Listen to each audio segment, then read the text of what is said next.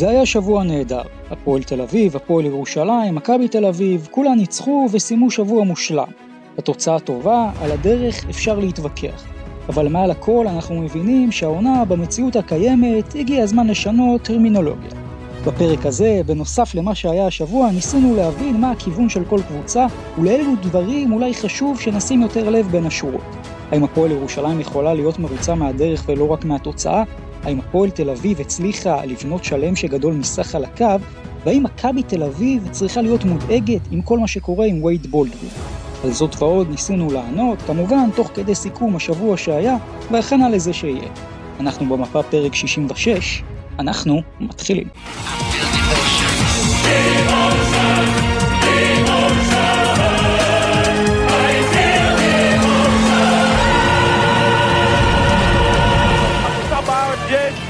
אנחנו במפה ואנחנו נשארים במפה, לא רק בספורט, לא הכל.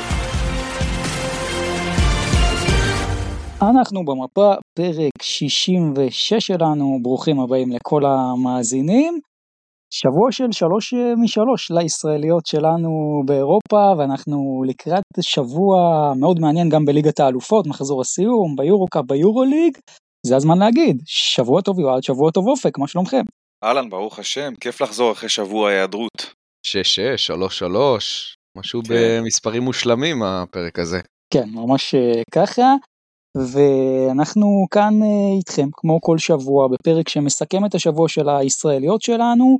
מה הולך להיות לנו אז אנחנו נתחיל כמובן עם הפועל ירושלים והשבוע שלה וגם ההשגה שלה את הכרטיס הישיר לשלב הבתים אה, השני. נדבר קצת על ליגת האלופות שם על מחזור הסיום הפועל חולון הפועל תל אביב מכבי תל אביב ולסיום הכנו לכם מה שנקרא לבקשת הקהל special הימורים. החלטנו ככה להביא לכם גם קצת יותר מהיורוקאפ וליגת האלופות. לפני כן אני אזמין אתכם אה, לעקוב אחרי הדף שלי, אחרי טיימאוט, אם אתם עדיין לא עוקבים, הדף ממש קרוב לאלף עוקבים, אתם אה, מוזמנים שם אה, לעקוב ולהשיג את האלף עוקבים ביחד איתי עד סוף השנה. אה, וכמובן יש לנו גם קבוצה בוואטסאפ שכרגע אנחנו, אופק דיברת על מספרים מושלמים, אנחנו על 555 חברים. אינשאללה. גם שם אנחנו רוצים להגיע לכמה שיותר, אז אם אתם עדיין לא שם, אתם מוזמנים להצטרף. דרך אגב, כל יום יש שם אה, סקרים ותמיד אנחנו מביאים לכם סקרים שעשינו שם אז הפעם נביא לכם שני סקרים אה, שהיו השבוע. סקר אה, ראשון היה לגבי הפועל תל אביב. אם היא הייתה יכולה להחליף את הולנד בטוקוטו בחזרה ואת אלכסנדר באונוואקו בחזרה, האם בשלב הזה של העונה היה כדאי לה לצאת למהלך כזה? תשובות מעניינות, הייתי אומר אפילו מפתיעות. 15% אומרים שכן בשני המקרים, 10% אומרים רק במקרה של אלכסנדר, 25% אומרים רק במקרה של ג'ון הולנד, 50% אומרים שלא בשני המקרים. אני גם יש לי הרבה מה להגיד, אני אגיד את זה בחלק של הפועל תל אביב, אבל אם אנחנו מסכמים אז 25% לגבי אלכסנדר אומרים שהיה עדיף בשלב זה של העונה להחליף אותו באונואקו, 75% אומרים שלא, לגבי הולנד אה, קצת יותר אומרים שכן, 40% ו-60% אומרים שלא, אז זה סקר אחד שהיה לנו, סקר שני שהיה לנו זה לגבי המהלך של השבוע באירופה. פנרבחצ'ה מפטרת את איטודיס, ממנה את שרס, שאלנו אתכם מה אתם חושבים על המהלך, אז רבע מכם, 25% אמרו שזה מהלך מעולה ושפנר מכאן תלך ותשתפר, קצת פחות 22% אמרו שזה גרוע ושאיטודיס לפחות היה יכול לתקן את המצב, ששרס בוודאי שלא יעזור. 53% מכם, הרוב אומרים פה שזה עוד מאותו הדבר, שזה לא באמת ישנה, אה, ומכאן זה מתחיל אה, להתחבר אה, לכותרות שלנו ובמיוחד לכותרת שלך אופק. מקום 11 ביורוליג, מקום רביעי בטורקיה, גירוד פלייאוף מהמקום השמיני ובלי אליפות בעונה שעברה, בטח לקבוצה עם היומרות והתקציב של פנרבכצ'ה. זה מה שצריך כדי לפטר את המאמן, וברשותכם אני מרשה לעצמי לדבר בשם כל הפאנל, הטוב ביותר באירופה. אנחנו מדברים על זה לאורך כל השנה וחצי שהפודקאסט רץ. אה, אז שוב פשוט זה עוד שיעור שלנו שאנחנו לומדים כמה ציפיות זה הכל בענף הזה וכמה הכל יחסי וכמה לפעמים הדבר הזה הוא אכזרי ולא בהכרח יש צדק אבל זה מה יש, אכזבה, אכזבה מקצועית פלוס, פלוס שוק מאמנים אה, יחסית תוסס, שווה איתודיס בבית. התייחסות קצרה לשרס, נברך אותו מכאן, אני באופן אישי התגעגעתי אליו, אה, אני בטוח שיהיה כיף איתו, האמוציות, איחוד עם קלטס והייז וים הדר, יאללה בלאגן. יפה, טוב, אני אמשיך עם הכותרת שלי. Uh, הכותרת שלי על מכבי תל אביב וההחלטה לקצץ כעשרה אחוז מהשכר של השחקנים. נכון, אנחנו בסיטואציה לא, לא uh, רגילה, המצב באמת חרא, קבוצות uh, מפסידות כספים בערימות, מכבי תל אביב עם הוצאות, הוצאות באמת מטורפות על, על טיסות, על לינה וכל מה שמסביב בבלגרד. ועדיין השחקנים לא אשמים במצב הזה, ולא ברור לי, לא ברור לי באמת אה, מה, מה פשר הקיצוץ הזה, אנחנו מסתכלים על קבוצות כמו חולון, כמו הפועל ירושלים, כמו הפועל תל אביב, העניין הזה בכלל לא עלה אפילו כאופציה, ובאמת חבל, כי זה דבר שיכול לפגוע במכבי, אה, ברמה המנטלית קודם כל, אה, ובאמת כאילו, אפשר להגיד, יכול לבוא לרעתה עם המשך העונה. רק רוצה לציין, אה, דיברת על עניין המחיה שם. המחיה בבלגרד זולה משמעותית מאשר בתל אביב. חלילה, אני לא אומר שמבחינה אה, כלכלית אה, מכבי תל אביב לא ניזוקה. בוודאי שכן, בטח כשעוד לא ברור מה יקרה עם המנויים וההחזרים. אבל כל מה שקשור למחיה ורכבים ואוכל וסופר ודירות, הרבה יותר זול באופן משמעותי בבלגרד מאשר בתל אביב, זה בטוח.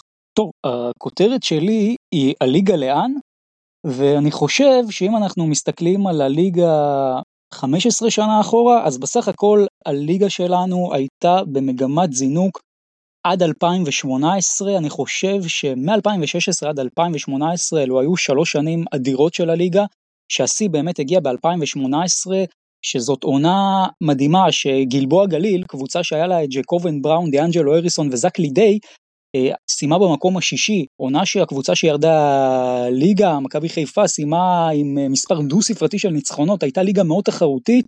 אה, אגב, מהתקופה הזאת גם יצאו הרבה מאוד שחקנים אחרי זה ליורוליג, ומאז הליגה נכנסה לאיזושהי נסיגה, ומשנה לשנה נהייתה פחות טובה, שלדעתי הגיעה לשפל מאוד מאוד גדול ב-2021, ואז התחלנו איזה מגמה של התאוששות, שבעונה הקודמת הורגשה מאוד, כלומר הליגה בעונה הקודמת יחסית הייתה בסדר גמור, והעונה הליגה הייתה אמורה להיות אפילו עוד יותר טובה, באמת אה, גם קבוצות שלא משתתפות אה, באירופה.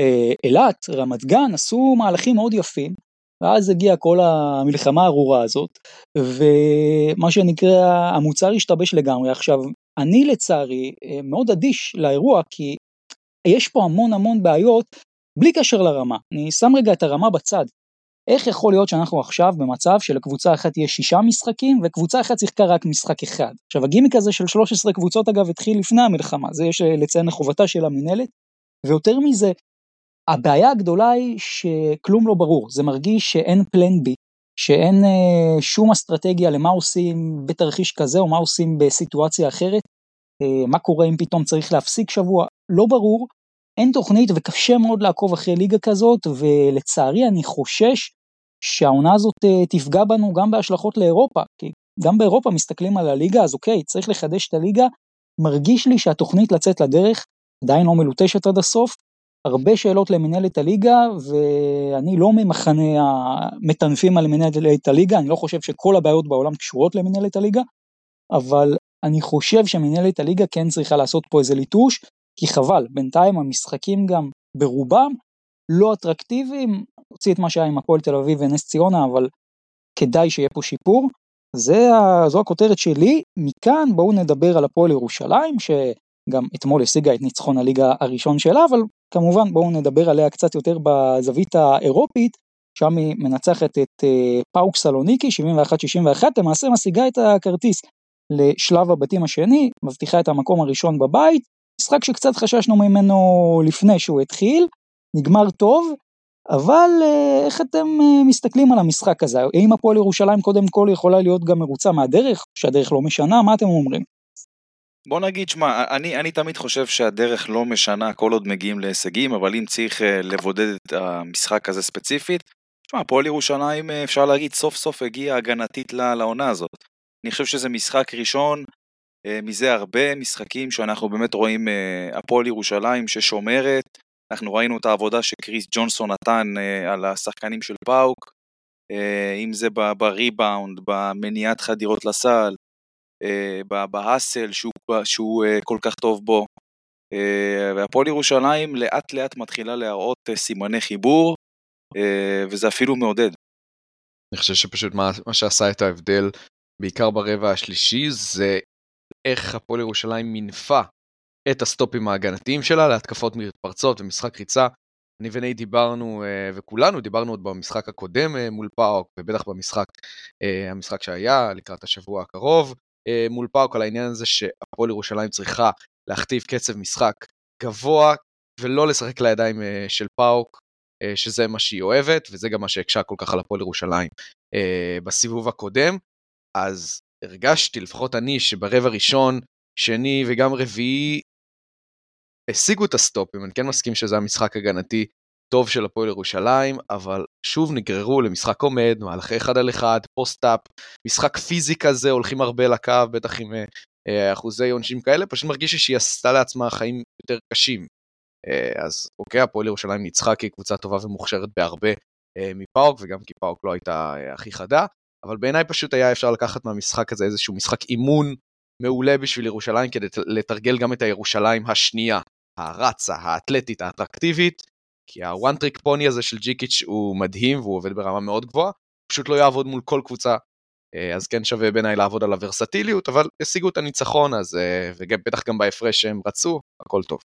זהו, אני חושב שבסוף, מבחינת התוצאה אין ספק שהתוצאה הושגה, אבל לגבי הדרך, אני רשמתי בכתבת סיכום שלי עוד ניצחון כזה ועבדנו, כי אני חושב שזה היה אולי המשחק הכי חלש של הפועל ירושלים העונה באירופה.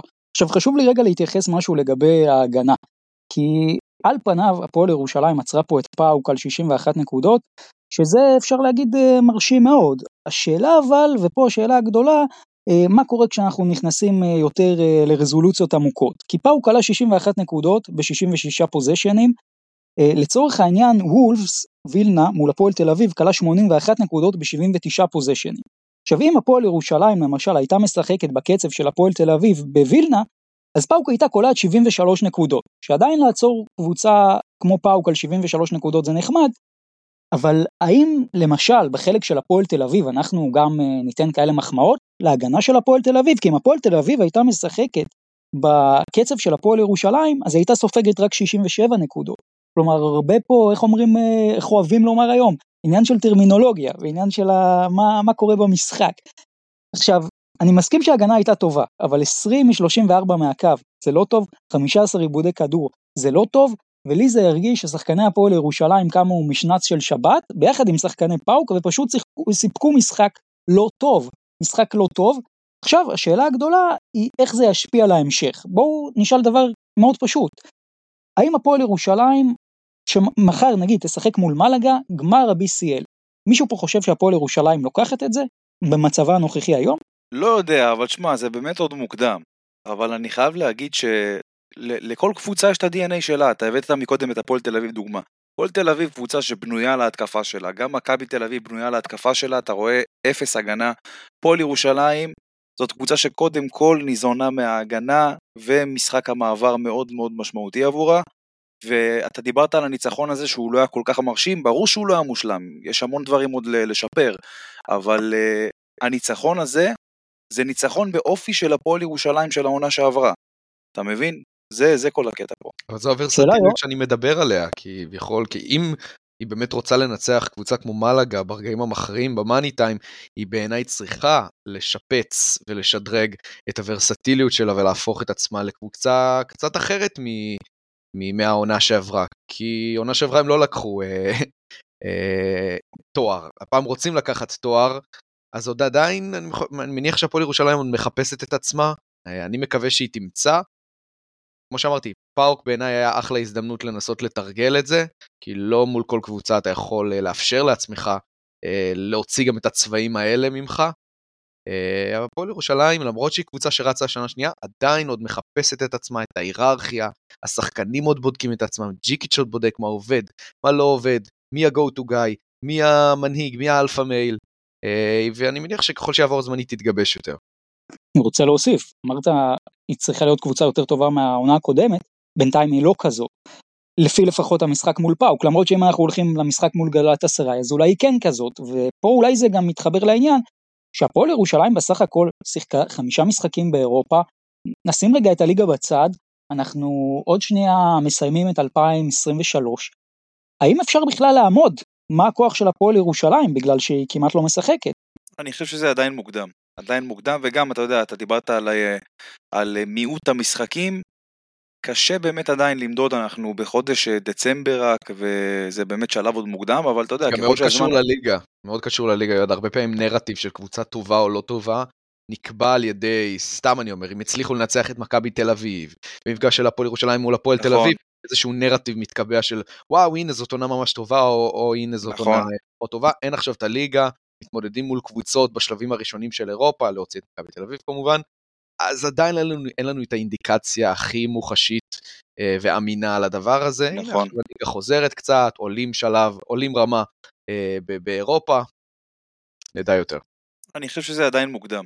עדיין מוקדם, וגם, אתה יודע, אתה דיברת על, אה, על מיעוט המשחקים, קשה באמת עדיין למדוד, אנחנו בחודש אה, דצמבר רק, וזה באמת שלב עוד מוקדם, אבל אתה יודע, ככל מאוד שהזמן... קשור לליגה, מאוד קשור לליגה, הרבה פעמים נרטיב של קבוצה טובה או לא טובה, נקבע על ידי, סתם אני אומר, אם הצליחו לנצח את מכבי תל אביב, במפגש של הפועל ירושלים מול הפועל נכון. תל אביב, איזשהו נרטיב מתקבע של וואו, הנה זאת עונה ממש טובה, או, או הנה זאת נכון. עונה לא טובה, אין עכשיו את הליגה, מתמודדים מול קבוצות בשלבים הראשונים של אירופה, להוציא את מכבי תל אביב כמובן, אז עדיין אין לנו, אין לנו את האינדיקציה הכי מוחשית אה, ואמינה על הדבר הזה. נכון. הנה, הליגה חוזרת קצת, עולים שלב, עולים רמה אה, באירופה, נדע יותר. אני רוצה לסכם את זה ככה מבחינתי. הפועל ירושלים כרגע לא נראית כמו קבוצה top 4 במפעל, וזה המקום שלה לדעתי, הקבוצה מבחינתי הרביעית בטיבה במפעל הזה.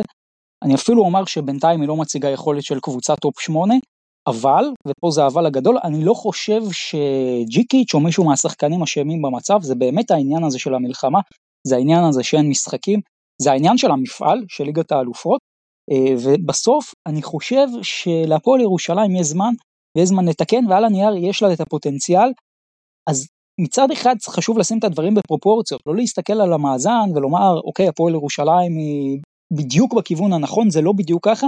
מהצד השני, אפשר אה, להיות פה אופטימיים, ובסוף באמת הפועל ירושלים משיגה את הכרטיס ואת מה שהייתה צריכה, וזה תמיד יותר חשוב uh, מהכל.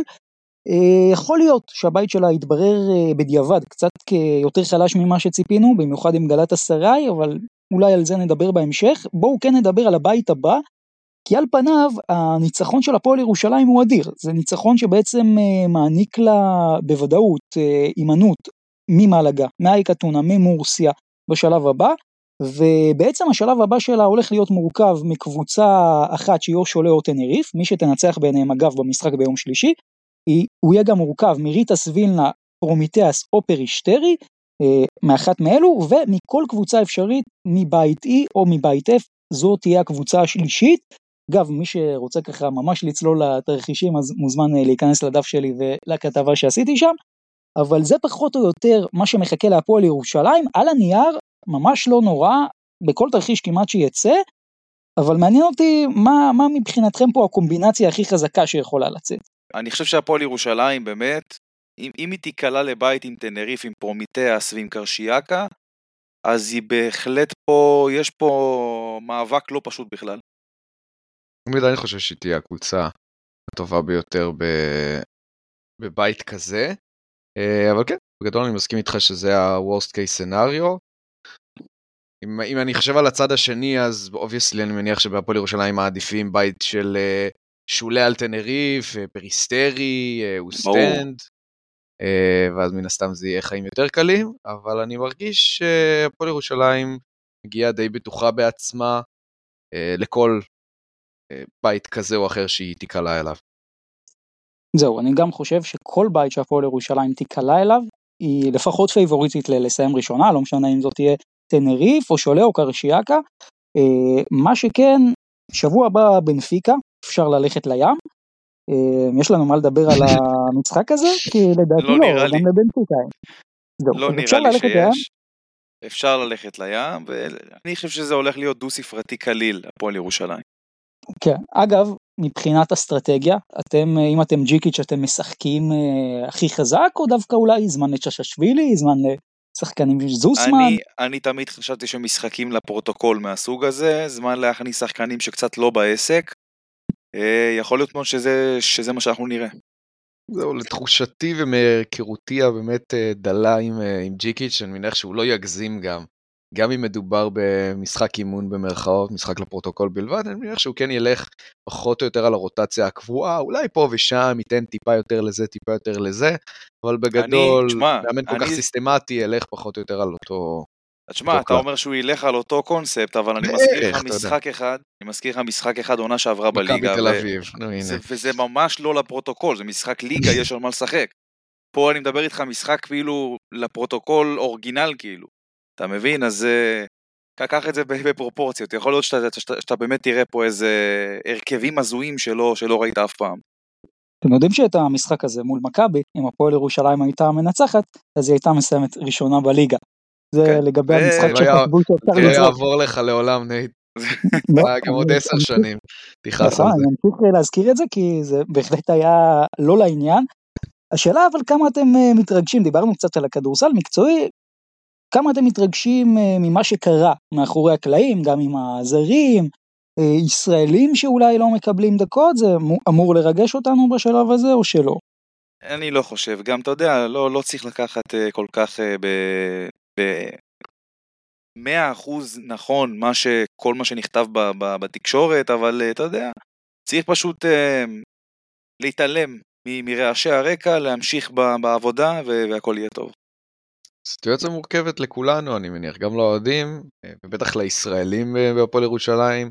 מתחיל מההפקרה, אני אגיד במרכאות, בחזית במשחקים מול אה, רמת גן ועפולה. הרגע של כולנו גבוה גם ככה, מיעוט הדקות באירופה. ראיתי את, ראיתי את הכתבה שיצאה. אני צריך להגיד, אני אגיד כרגע משהו באופן כללי, שאני לא באמת יודע מה קורה בחדר ההלבשה של הפועל ירושלים, אבל צריך לדעת, וגם הרבה uh, קולות יצאו של כל מיני אנשי כדורסל, מכל מיני קבוצות, לפעמים האגו של השחקן הישראלי uh, הוא מעניין, אני זוכר אפילו שניקולה וויצ'יץ' דיבר על זה, בין היתר הוא, הוא דיבר בהקשר של שחקן שאנחנו מדברים עליו גם כרגע, יוד, יוד זין מה שנקרא, וביקר את הגישה המסוימת שיש לעיתים לשחקנים ישראלים שמאוד ככה קנאים לדקות משחק שלהם ויודעים פתאום להפעיל את הקשרים ולחץ ואימא ואבא ואיזשהו פאסיב אגרסיב ולפעמים קצת מתנהגים כמו פירים מדונות. אני תמיד בגישה של תשחק טוב, תקבל דקות, ואם אני באמת לוקח את אותו ראיון של ניקולה, אני זוכר שהוא אמר שם ששחקנים ישראלים לפעמים פונים אליו ואומרים לו, המאמן לא נותן לי תחושת ביטחון, אז ניקולה ענה לו תשובה מאוד פשוטה, חשבת על זה שאולי זה בגלל שאתה לא נותן תחושת ביטחון למאמן? ככה ש... ועוד פעם, אני מדבר באמת במאקרו, כי אני לא רוצה להיכנס לסיטואציה, אבל כן, לפעמים צריך גם אה, ככה לקחת בערבון מוגבל ולדעת מיהו השחקן הישראלי לטוב ולרע. גם אם אנחנו לגמרי רוצים בטובתם. זהו, אז אני מסכים, אני חושב שהפועל ירושלים אולי לא מציגה עכשיו את הכדורסל הכי מלוטש, אבל בעיות כימיה בחדר ההלבשה אני לא חושב אה, שיש. בסופו של דבר, אגב בואו לא נשכח, השחקנים שהפועל ירושלים הביאה זה אחד הדברים החשובים שהיו לה, אז עכשיו שפתאום כולם ישנו את עורם, מרגיש לי קצת מוזר, פחות אה, מודה שפחות ככה לוקח את זה ברצינות ומתרגש מזה, מה שכן, אה, וממה שאני כן מאוד מתרגש, זה מהמחזור הבא בליגת האלופות ולא מהסיבות החיוביות, כי זה לא רק הפועל ירושלים בנפיקה, יש פה הרבה מאוד אה, דברים שהם בעייתיים. קודם כל, שליש מהקבוצות, 11 קבוצות יכולות ללכת לים. אוקיי, אנחנו בכוונה לא מנתחים יותר מדי מול בנפיקה, כי באמת אין מה, וזה לא רק הסיטואציה שלנו, זה הסיטואציה שיש בכל ליגת האלופות. עכשיו, חצי מהמשחקים פה במפעל הזה, הם uh, במחזור הבא בעצם uh, לא, לא יהיו אטרקטיביים לפחות לקבוצה אחת. כלומר, לפחות קבוצה אחת לא יהיה על מה לשחק, וחלק מהמשחקים הם מאוד בעייתיים. למשל משחק של אייק אתונה מול לודוויסבורג, זה משחק שללודוויסבורג יש המון על מה לשחק ולאייק אין. עכשיו, הדברים האלה תמיד יקרו בשיטת בתים, רק אני רוצה פה לצאת קצת נגד הטיעון שהשיטה בליגת האלופות אה, הופכת את המשחקים ליותר חשובים. כי הנה, זה לא נכון. אה, ליגת האלופות של העונה מציגה לנו שלא כל משחק חשוב, ממש לא every game matter, ובסוף זה שהמפעל עובד במיעוט משחקים לא הופך אותו פה לאטרקטיבי במיוחד, ומה גם שהדילול הזה במשחקים פוגע מאוד ברמה. אני הסתכלתי השבוע על אה, משחק של פרומיטאס דיז'ון, משחק לכאורה צמרת בבית B, היה קשה, בואו נגיד את זה ככה, קשה לעכל את מה שקרה שם בדקות הסיום, וזה חבל. הלכו להערכה שם, לא? כן, הלכו להערכה, אבל מקומדיה של טעויות, אתה יודע, יש ללכת להערכה כי אתה קלעת שלושה ואלה ישבו שתי שניות לסיום, ויש ללכת להערכה כי שחקן מחטיא לך שתי זריקות עונשין מהקו, אה, כשזריקה אחת שלו סוגרת את המשחק. עכשיו עוד פעם, זה דברים שעם כל הכבוד, אתה יודע, לא קשורים ליריבה, מצ'אפ, כל הדברים האלה, הגנה התקפה. זה ששחקן מחטיא מהקו, זה קשור לרמת כדורסל מאוד בסיסית, שקצת אפילו אנחנו לא אמורים לדבר עליה פה לדעתי, אבל uh, זה חבל.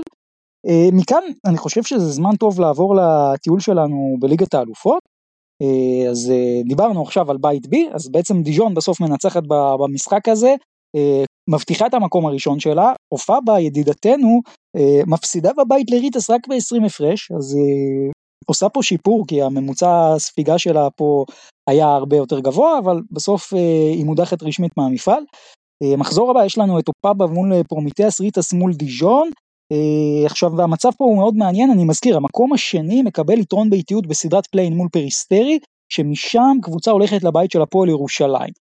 אם ריטס תנצח היא תהיה מקום שני אם ריטס תפסיד היא גם עדיין יכולה לסיים שנייה אבל בסיטואציה שהיא מפסידה ופרומיטיאס מנצחת ובשני המשחקים יש הפרש של 15 משוקלל, אז uh, פרומיטיאס uh, תהיה במקום השני, כמובן הפרש 15 ומעלה. בואו נעבור למה שהיה השבוע בבית H, עוד בית שדי נסגר.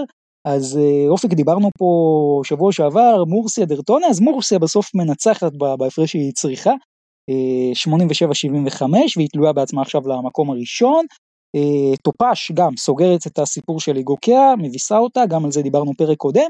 אבל ההפתעה הגדולה פה קורית בבית E, אה, בבית שבעצם הקבוצה שתסיים בו במקום השני, גם היא תקבל יתרון אה, ביתיות לסדרת play-in אה, שתוביל לבית של הפועל ירושלים. קרשיאקה ושטרסבורג היו צריכות פה לטייל למקומות 1-2, אבל לא ביום שלישי. שטרסבורג מפסידה בבלגיה לאוסטנד אחרי הארכה, עם 25 נקודות ו-6 אסיסטים של לוקר שלא ממש עוזרים לה, וביום רביעי עוד משחק מפתיע, קרשיאקה מפסידה באולדנבורג אחרי שהיא כבר הובילה 58-46, אה, אבל תתחילו לרשום את השם הזה, דוויין ראשל, 22 נקודות, 10 אסיסטים, הוביל את אולדנבורג לניצחון, אני רק אסיים בזה שמישהו יאהב אותי כמו שהשדר של ה-BCL אוהב את אה, אגבקוקו, זה השם, אה, שדר ה-BCL יותר מדי... איזה שם נהדר. כן, אגבקוקו, אגב פרוספקט לא רע, בכל מקרה יש לנו ביום שלישי את אוסטנד מול קרשיאקה שטרסבורג מול אולדנבורג שזה משחקים שיכריעו את הבית. בואו ככה בקצרה גם נדבר על מה שיהיה לנו אז בית A די מקובע דיברנו על החוסר אטרקטיביות במחזור הסיום אז מלאגה ראשונה לה מאן שנייה פריסטרי שלישית ככה זה ייגמר שם. Uh, ובבית C גם בבית של שולה וטנריף שכמובן דיברנו על זה יש ביניהם משחק שהוא יקבע מי הקבוצה שתהיה בבית של הפועל ירושלים משחק בין דרושפקה לריגה שהמפסידה הולכת הביתה. דרושפקה אם היא מפסידה בבית יכולה למצוא את עצמה מסיימת העונה האירופית שלה שזה גם יפתיע מאוד. אה, ואפשר לסיים עם אה, בית D שזה הבית של אייק אתונה אה, ששם יש סיטואציה מאוד מעניינת עם צ'צ'ן לודוויסבורג וססרי שנאבקות על שני הכרטיסים הנוספים המצב כרגע וייק 5-0 צ'צ'ין 3-2 לודוויסבורג 3-2 וססרי 4-1 כשבעצם, ופה זה הסיטואציה המעניינת, צ'צ'ין אה, כמעט הבטיחה לגמרי את העלייה שלה, רק אם היא תרחיש פה שהיא תפסיד אה, בעצם אה, מ-33 הפרש, אז היא לא תהיה, אז בסוף אה, צ'צ'ין, לדעתי זה מפתיע, ססרי, תזכרו את המספרים שלה, ניצחון מעל 9 אה, על הפולנים במחזור אה, הסיום, יבטיח לה עלייה בכל מקרה, לפחות מהמקום השלישי. אה, במקרה של לודוויסבורג אגב מפסידה לאייק, גם ניצחון בשבע יספיק, אבל ססרי אם היא לא מנצחת לפחות בשבע ומעלה, היא נפרדת מהמפעל, וססרי היא קבוצה שהיו לה הרבה מאוד ציפיות פה, אז גם לזה מה שנקרא שווה לשים לב. יש בית אחד שלא דיברנו עליו, קוראים לו בית F, הוא הבית של הפועל חולון, שגם שם המצב אה, מעניין. לפני שנדבר על בורסה ספור, איך אתם חושבים הפועל חולון מגיעה למשחק הזה? לפחות מבחינת מומנטום, אווירה, בוא נגיד שההפסד האחרון לבון קצת אה, הוריד את הרוח מהמפרשים, אבל אה, נראה לי שתשמע, די במצב אה, סביר. אבל זה חתיכת תנורת אזהרה המשחק הזה בשבילם. למה המשחק הקודם, הם, הם, אפשר להגיד שאיתו מול הקבוצה הזאת, ותמיד יש נטייה למשחקים האלה לבוא נגדך אחרי זה. כן, לא יודע אם נקודה, אם אה, אור אזהרה אה, כזה או אחר, אני חושב, אני גם אמרתי את זה בפרק הקודם, אני לא חושב שזה המשחק כזה מייצג בשביל הפועל חולון.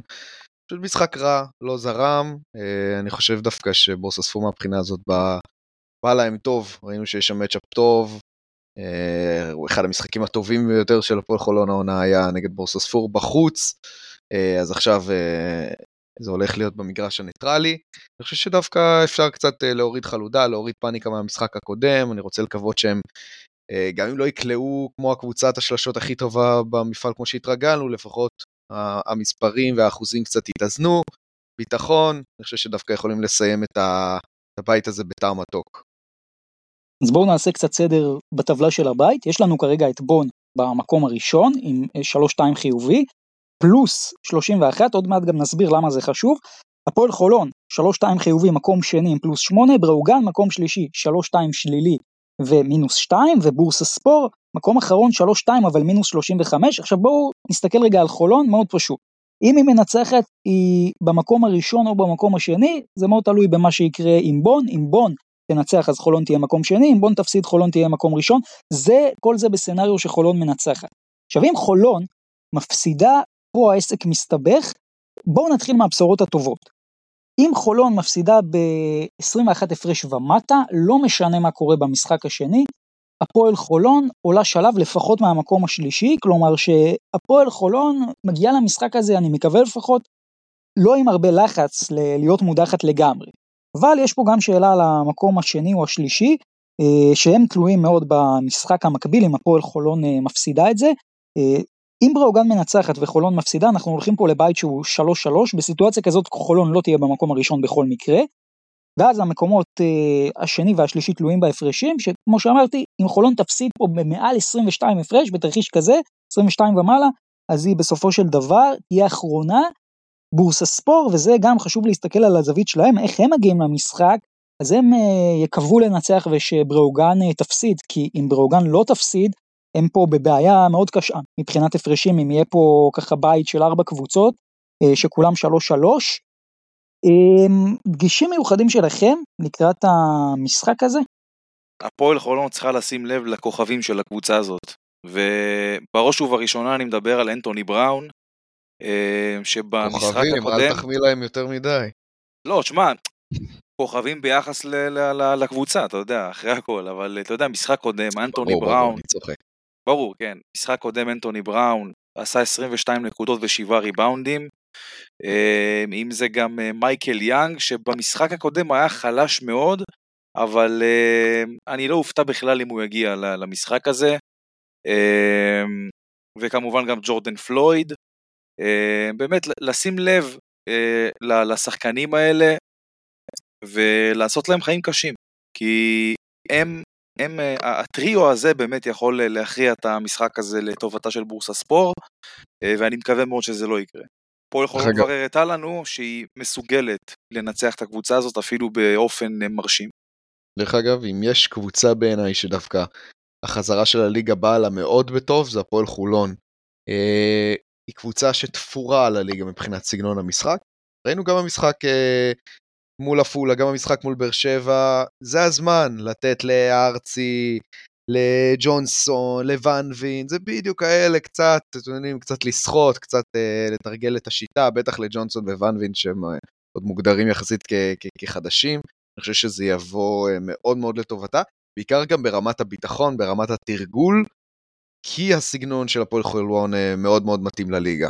אנחנו יודעים שחולון היא ככה קבוצה שמאוד אוהבת לפעמים לצופף בצבע, השאלה אם במשחק הזה אתם נותנים אה, לבורסה ספור מה שנקרא לנצח אתכם מבחוץ, להשתולל אה, לשלוש, מוטב 50 אחוז, בראון 40 אחוז, פלויד 38 אחוז, יאנג 36 אחוז, תאורטית יש להם כלים, משחק קודם הם לא ממש אה, פגעו משם, שאלה אבל אם אתם כאסטרטגיה אומרים, בואו שינצחו אותנו מבחוץ, נמשיך לצופף בצבע. תראה, הסגנון. משחק של הפועל חולון הוא מאוד מאוד אזוריות, מאוד מאוד חילופים, נשען מאוד מאוד על קלוזאוטים, שכולם צריכים לעבוד בהגנה, וזה לא רק שחקנים ספציפיים. ואני לא חושב שהפועל חולון תשנה את זה בגלל אה, בורסה ספור. היא תשחק את המשחק שלה, בסך הכל חולון היא כן קבוצה שמאפשרת יחסית הרבה שלשות, אבל בגלל סגנון ההגנה הלוחץ, זה הרבה פעמים גורם לאחוזים נמוכים של הקבוצה השנייה. ככה שאני חושב שאנחנו נראה עדיין את אותו מערך הגנתי טוב לדעתי של הפועל חולון. אה, אני מניח שאנחנו נראה סצנריו די דומה לסיבוב הקודם. דרך אגב, כמה נתונים מעניינים על הטורקים, אז הם אחרונים במפעל באסיסטים, אה, בשני הפרמטרים אגב, גם במספר כמותי, גם בנקודות מהסיסטים, רק 13 אסיסטים בממוצע למשחק, 52% בלבד מהנקודות שלהם מגיעים מהסיסטים, כלומר יועד פה הזכיר שלושה שחקנים שבאמת אם הם לא נכנסים באופן אישי למשחק ולוקחים אותו על עצמם לקבוצה הזאת יהיה מאוד קשה לנצח. כן, וגם השלושה שחקנים האלה בוא נגיד לא כל כך אוהבים למסור. בדיוק. זו, זו הסיבה כנראה שהם ככה הבעיה היא שגם חולון אה, היא מדורגת 29 במפעל בכל הפרמטרים האלו כלומר רק 16 אסיסטים בממוצע למשחק 56% מהנקודות שלה מגיעות מהסיסטים כלומר בלי לשים לב או אם לשים לב גם הפועל חולון הרבה מאוד פעמים נגררת למשחקים בסגנון הזה.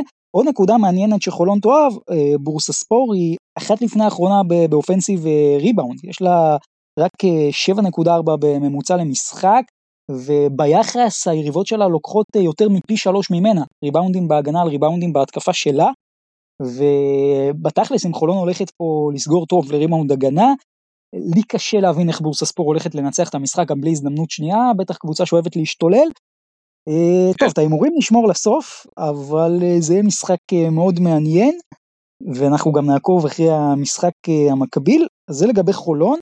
בואו נעבור לקבוצה שכן שיחקה השבוע, וגם כמובן תשחק בשבוע הקרוב, הפועל תל אביב, מנצחת את וולפס בווילנה, 89-81, משחק שהיא מובילה בו לכל אורכו, אבל ככה על אש נמוכה, בסוף גם מנצחת. ואני רוצה לשאול, התוצאה טובה, הדרך? כמו שאמרתי מההתחלה, הדרך לא משנה כל עוד יש ניצחון. פשוט לא יודע, האווירה הייתה כזה עוד, עוד יום במשרד, לא, לא משחק מזהיר של, של הפועל תל אביב, גם השפת גוף בעיניי הייתה קצת ירודה, הרבה כן, עיבודי לא, כדור. לא, לא מרשים ל, ל, לשני הצדדים, אבל אתה יודע, יש W, זה, זה הכי חשוב. לא, אבל זו בעיניי גם הגדולה של, של קבוצה איכותית, אני זוכר שנייט שאל, אני לא זוכר אם בפרק הקודם או בשני פרקים אחורה, האם כביכול דווקא עצם זה שהפועל תל אביב מנצחת משחקים גם כשהיא לא כל כך טובה, אם זה מראה על הגדולה שלה. אני חושב שגם במשחק כמו וולס מול קהל ליטאי בערב שהוא קצת יותר מנומנם, לדעת ללחוץ על הדוושה בדיוק ברגעים האחרונים, הורד וגינת שהיו ככה טובים בדקות, ה, בדקות הסיום, זה פעמי, הרבה פעמים מה שמגדיר קבוצה לקבוצה טובה ומסוכנת, שיודעת להרים את עצמה, אה, גם בימים קצת יותר אה, רדומים. בדיוק, זה בדיוק ההגדרה לקבוצת top מפעל. הפועל תל אביב כרגע מתנהלת, המשחקים שלה מתנהלים כאילו היא קבוצת top מפעל והיא באמת כזאת. אני חושב שזה הכי מרשים. כלומר, אני דווקא מאוד התרשמתי מהניצחון הזה, ובכלל מהניצחונות האחרונים של הפועל תל אביב, כי כל הניצחונות האחרונים של הפועל תל אביב, גם בשקטש, גם אה, צ'דוויטה וגם המשחק הזה, הם משחקים שלא ממש היו בסגנון שלה. וכשאתה מנצח משחקים שהם לא בסגנון שלך, זה מה שנקרא קבוצה לאליפות. אם תשימו לב השבוע גם הפועל ירושלים, גם מכבי תל אביב, ניצחו משחקים שפחות או יותר כן היו בסגנון שלהם. מה שכן, הפועל תל אביב פה עושה דבר ומתחילה להרגיל אותנו שלא משנה מה, היא לוקחת את המשחקים וזה דבר שצריך לשים לב אליו, אה, ובאמת כל הקרדיט פה להפועל תל אביב. ואתם יודעים, גם מרגיש לי מעבר לתוצאות אה, שיש אווירה מאוד טובה בהפועל תל אביב. אני לא נמצא שם בחדר ההלבשה, אני לא יודע, אבל מרגיש לי שפשוט כיף להיות שם, זה ממש עושה לך, אתה מסתכל על זה ועושה לך חשק להיות שם, כי זה מרגיש שיש שם אווירה ממש ממש טובה, וגם בעונה הקודמת, אה, זה לא ש... ואני אומר לכם את זה מידיעה, זה לא שהעניינים שם אה, התפוצצו לרמה שאנשים שם הלכו מכות, אה, ואני יודע מה... כן, אבל הייתה שם אש מתחת לפני השטח, ו... אנחנו לא יודעים מה היה קורה אם היינו ממשיכים ככה השנה, ודני פרנקו לקח הימור מאוד מאוד קשוח בקיץ, שאנחנו פה היינו אפילו, הייתי אומר, קצת סקפטיים. אה, לא להמשיך עם מקריי זה חתיכת הימור, לא להמשיך עם אונואקו זה חתיכת הימור, להביא את אנגולה זה הימור, אה, ג'ון הולנד שוב אולי אה, הגיע כברומטר אבל גם העניין עם אלכסנדר היו פה כל מיני הימורים שלא יודע מרגיש לי שיש פה משהו כמו שגם אמרנו שאולי הפועל תל אביב מנסה לעשות בקיץ מעבר לתוצאה, לכימיה הפנימית של הקבוצה, ואותי זה מאוד uh, מרשים מהבחינה הזאת. מחזק מאוד, ממש מרגיש שהפועל תל אביב, אה, אי אפשר פשוט גם לא קצת להשוות לעונה שעברה שגם הייתה מוכשרת כמו שד, אבל כן הרגיש שהיא לא, לא בריאה במיוחד, מרגיש שהפעם היא באמת קבוצה בריאה. אני רוצה לייחס את זה בין היתר לעובדה שעל המגרש יש תחושה שיש היררכיה מאוד מאוד ברורה, יש סדר, גם לפרנקו אבל גם לשחקנים. כי יש alpha male ברור, ויש scorer ברור, ויש פועל שחור ברור. אז גם הפרסונות ומה וה, שנקרא ב personal של האחד על אחד, נראה שאנשים יותר נוחים, אבל אני חושב שזה שלכל אחד יש תפקיד מאוד מאוד מוגדר, זה מאוד מאוד מקל על שחקנים אמריקאים, עם אגו, עם כסף גדול, אה, וזה פשוט גורם לקבוצה בריאה יותר. תגידו, לא, לא נגיד איזה משפט על ג'יילן הורד? שמע, אני, אני ונייט... אה, אני לא, לא, תשמע, זה, זה כבר, אני אומר לך... חוץ ממזבח עשינו לו הכל שבוע כן. שעבר. אני אומר לך, תשמע, ג'יילן אורד זה... בוא נגיד שלצערם של אוהדי הפועל תל אביב, אני חושב שימיו ביורו-קאפ ובאופן כללי בהפועל תל אביב לא ארוכים בכלל. שמע, זה, זה, איזה, איזה עונה הוא נותן, זה, הוא מקום רביעי ביורו-קאפ במדד עם 21, בממוצע, מקום חמישי בנקודות עם 17.6. אמ, באמת, שחקן שגרף ההתקדמות שלו באמת בלתי ניתן להסביר את הדבר הזה. ואתה יודע, לא, לא מדובר בכישרון הכי אה, גדול שהיה בהפועל תל אביב בשנים האחרונות, ועדיין היעילות שלו זה משהו מדהים בעיניי. היציבות, היציבות, היציבות, הכל. זה מטורף. אבל זה גם מתחבר למה שאמרתי, ההיררכיה, אתה יודע שג'יילן הורד הנוכחי ביורוקאפ נותן לך בין 15 אה, נקודות ל-20 נקודות, banker מה שנקרא. וזה גם, זה גורם לקבוצה לשקט, זה מחלחל לכולם. אה, וזה גם, אה, בין היתר בגלל זה אנחנו רואים את האווירה הטובה שם. אני כצופה, כשהוא על הפרקט, מאוד מאוד רגוע. אני חושב שזה ברור הרי שג'יילן הורד פה הוא אולי השחקן הכי טוב במפעל, או לפחות ב top five, ואני לא מדבר רק על גבוהים, והוא פשוט, שהוא על הפרקט, הוא שובר שוויון בכל משחק. מה שכן, שווה גם לציין במשחק הזה את אנגולה, שלדעתי ואני מסכים פה עם שרון דוד, דוידוביץ' בשידור, הוא המצטיין של הפועל תל אביב. אה, שמונה דקות שהוא על הספסל, הפועל תל אביב מפסידה אותם בשמונה הפרש. 32 אה, דקות על הפרקט, הפועל תל אביב מנצחת ב-16, גם משחק מצוין שלו. אה, השאלה אם אני חוזר קצת לסקר של ההתחלה, איך אתם מתייחסים לשאלה הזאת של הולנד ואלכסנדר? הם נגיד היו במשחק לא טוב, אלכסנדר אני חושב הוא בעונה בסדר גמור, הולנד לדעתי מאכזב, אני, אם אתם שואלים אותי, לא הייתי נוגע. אגב, אה, מי שמכיר אה, למשל אה, קמפיינים ברשתות חברתיות, יודע שחוק מספר אחד זה כשמשהו עובד לך אתה לא נוגע. ובסופו של דבר זה אני חושב קצת דומה פה. כלומר כל עוד יש ספק אני מסכים מה יקרה בסוף והשמיכה פה היא קצרה אבל אני לא הייתי נוגע. שאלה אם אתם חושבים דווקא אולי כן לגעת הפועל תל אביב שנה שעברה נגיד כן נגע. נגע, בדיוק זה מה שרציתי, רציתי לתת את, את הורטון כדוגמה, הורטון לא היה רע, הוא גם לא היה מבריק, אבל הוא לא היה רע, היה שם איזשהו חטא היבריס של הפועל תל אביב, שקצת פתאום מונואקו היה על המדף, מה ניקח, לא ניקח, לקחו, אני לא יודע אם, אם בדיעבד זה יתברר כהחלטה נכונה או לא, אני איתך, אה, קודם כל יכול להיות שעכשיו הליגה דווקא לשחקנים כמו הולנד, זה, זה, זה ייתן את הביטחון, כי יש משהו שאנחנו רואים, ודרך אגב בכל הקבוצות אה, באירופה הישראליות, ציפוף רוטציה, קיצור רוטציה מאוד מאוד אגרסיבי, אה, שמוריד ביטחון להרבה שחקנים. מה שדיברנו על הישראלים של הפועל ירושלים רלוונטי גם פה אה, לגבי זרים שהם עם פחות דקות, זה מוריד ביטחון, גורם לשפת גוף יותר ירודה, הליגה דווקא פתאום יכולה ככה להניע אותה מחדש, לא הייתי סותם את הגולל על, על, על הולנד. מה שכן, וזה גם אולי הסיבה שהפועל תל אביב מחפשת עוד שחקן, זה העומס שהיא פתאום נתקלת בו, אז uh, היא ביום שישי מנצחת את נס ציונה, מקום ראשון כרגע בליגה, uh, היום יש לה גם uh, משחק מול אילת, יום רביעי ונציה, בואו רגע נסתכל על ונציה, איך בכלל uh, העומס הזה אמור להשפיע, אם בכלל, לקראת ונציה. אני לא חושב שהוא ישפיע. אני חושב הפועל תל אביב תמשיך לשחק את הכדורסל שלה, ולא תיתקל בקשיים במשחק הזה. נכון שזה קצת, אני לא אגיד מ-0 ל-100, כי בכל זאת אה, משחקים פעם בשבוע, אבל יש הבדל בין לשחק פעם בשבוע בבלגרד, מדי פעם יש טיסה, לבין פתאום חוזרים, לפעמים אה, שני משחקים בנקר, לפעמים פתאום איזה שלושה בלוזים כאלה ואחרים, אבל מדובר במקצוענים, ואני בטוח שהם יתעלו למעמד. מבחינת ונציה, אה, הפועל תל אביב אמורה לנצח גם את המשחק הזה, עוד יום במשרד.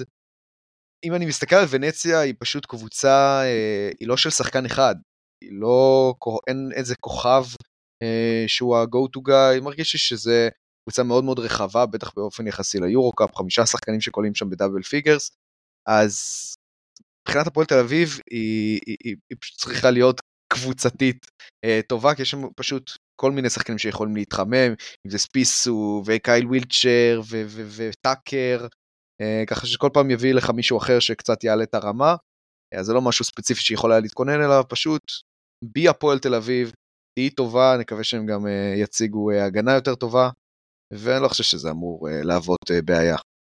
אתם מופתעים שספחיה מצליח בליגה ולא ממש באירופה? זה די ספחיה קלאסי, הייתי אומר. אנחנו, אנחנו זוכרים את זה טוב מאוד uh, מ-2017-2018, uh, אבל עזוב שנייה את ספחיה, אני, אני באמת רוצה לשאול, כאילו, זה יישמע הזוי אם אני אגיד שלוונציה אין מה למכור מול הפועל תל אביב? לא, אני חושב ש... תראה, ונציה בסוף היא כן קבוצה, אני לא אגיד כמו וולפס, אבל אתה יודע, היא גם בנויה הרבה פעמים אה, משחק מהיר, ובאמת אה, בקטע הזה הפועל תל אביב יכולה לנצח אותה בקלות. מה שכן, אני כן חושב שהעניין של הרוטציה הוא משמעותי. אני חושב שפועל תל אביב במשחק הזה כן חשוב גם להמשך העונה להשתמש פה ברוטציה רחבה. גיל בני זוכרים את השלשה מהעונה הקודמת, הגיע הזמן לריפיט. Uh, בכל מקרה, uh, ונציה, וזו נקודה מעניינת, היא קבוצת העונשין הכי גרועה ביורוקאפ, 67% מהקו, אז זה לא בושה גם להשתמש בגיל בני, לשלוח אותם קצת לקו, במיוחד את הגארדים שיחטיאו, מה שכן, דיברנו על ווילטג'ר, אז הוא לא שיחק הרי במשחק הקודם, והוא בינתיים משתלב יפה, אה, יש לו גם אה, ממוצעים די גבוהים של 11 נקודות, ו-11 מדד ב-22 דקות ביורו-קאפ, ב-22 דקות, זה לא, זה לא קצת.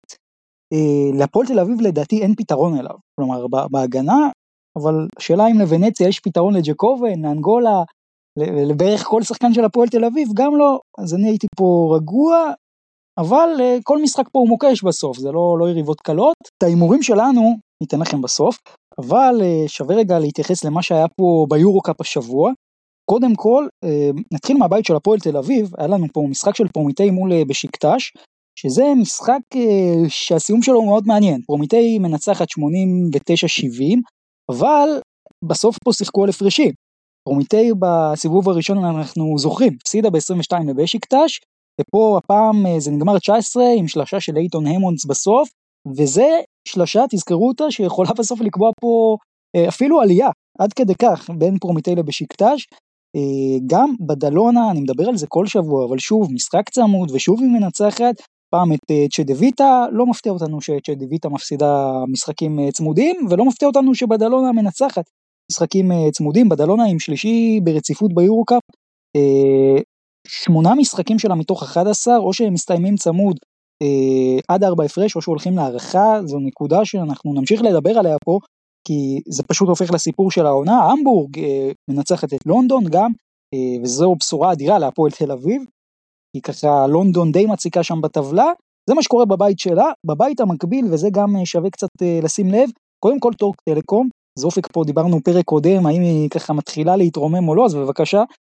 96-73 בפודגוריצה על בודוצ'נוסט וניצחון שני רצוף, ממש נצמדת כבר למקום שעולים ממנו שלב, ואיך לא, נסיים עם גראן קנריה, אה, שלרגעים הייתה פה הריאל מדריד של המפעל, אז כבר לא, מפסידה לאולם בהארכה אה, אה, מופע מדהים של נוניז, ואני רוצה להמשיך רק עם המגמה בבית B, בסוף צריך לשים לב שם לטבלה, מקומות 5 עד 9, הבדל של משחק אחד, והמקום החמישי שם מאזן 7-4 שלילי.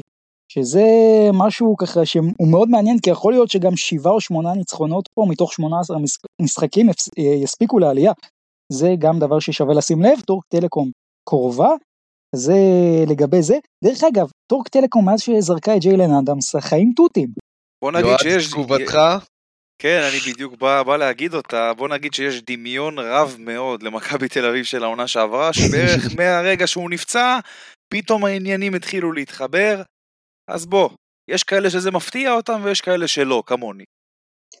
בואו באמת אה, נעבור למכבי תל אביב. מנצחת את אה, אנדולו במשחק שאיך אתם מגדירים אותו? כלומר זה יותר מכבי או יותר אנדולו? יותר אנדולו. את הרכיב. ההגנה של הנדולו לא קיימת, בדומה למכבי תל אביב דרך אגב.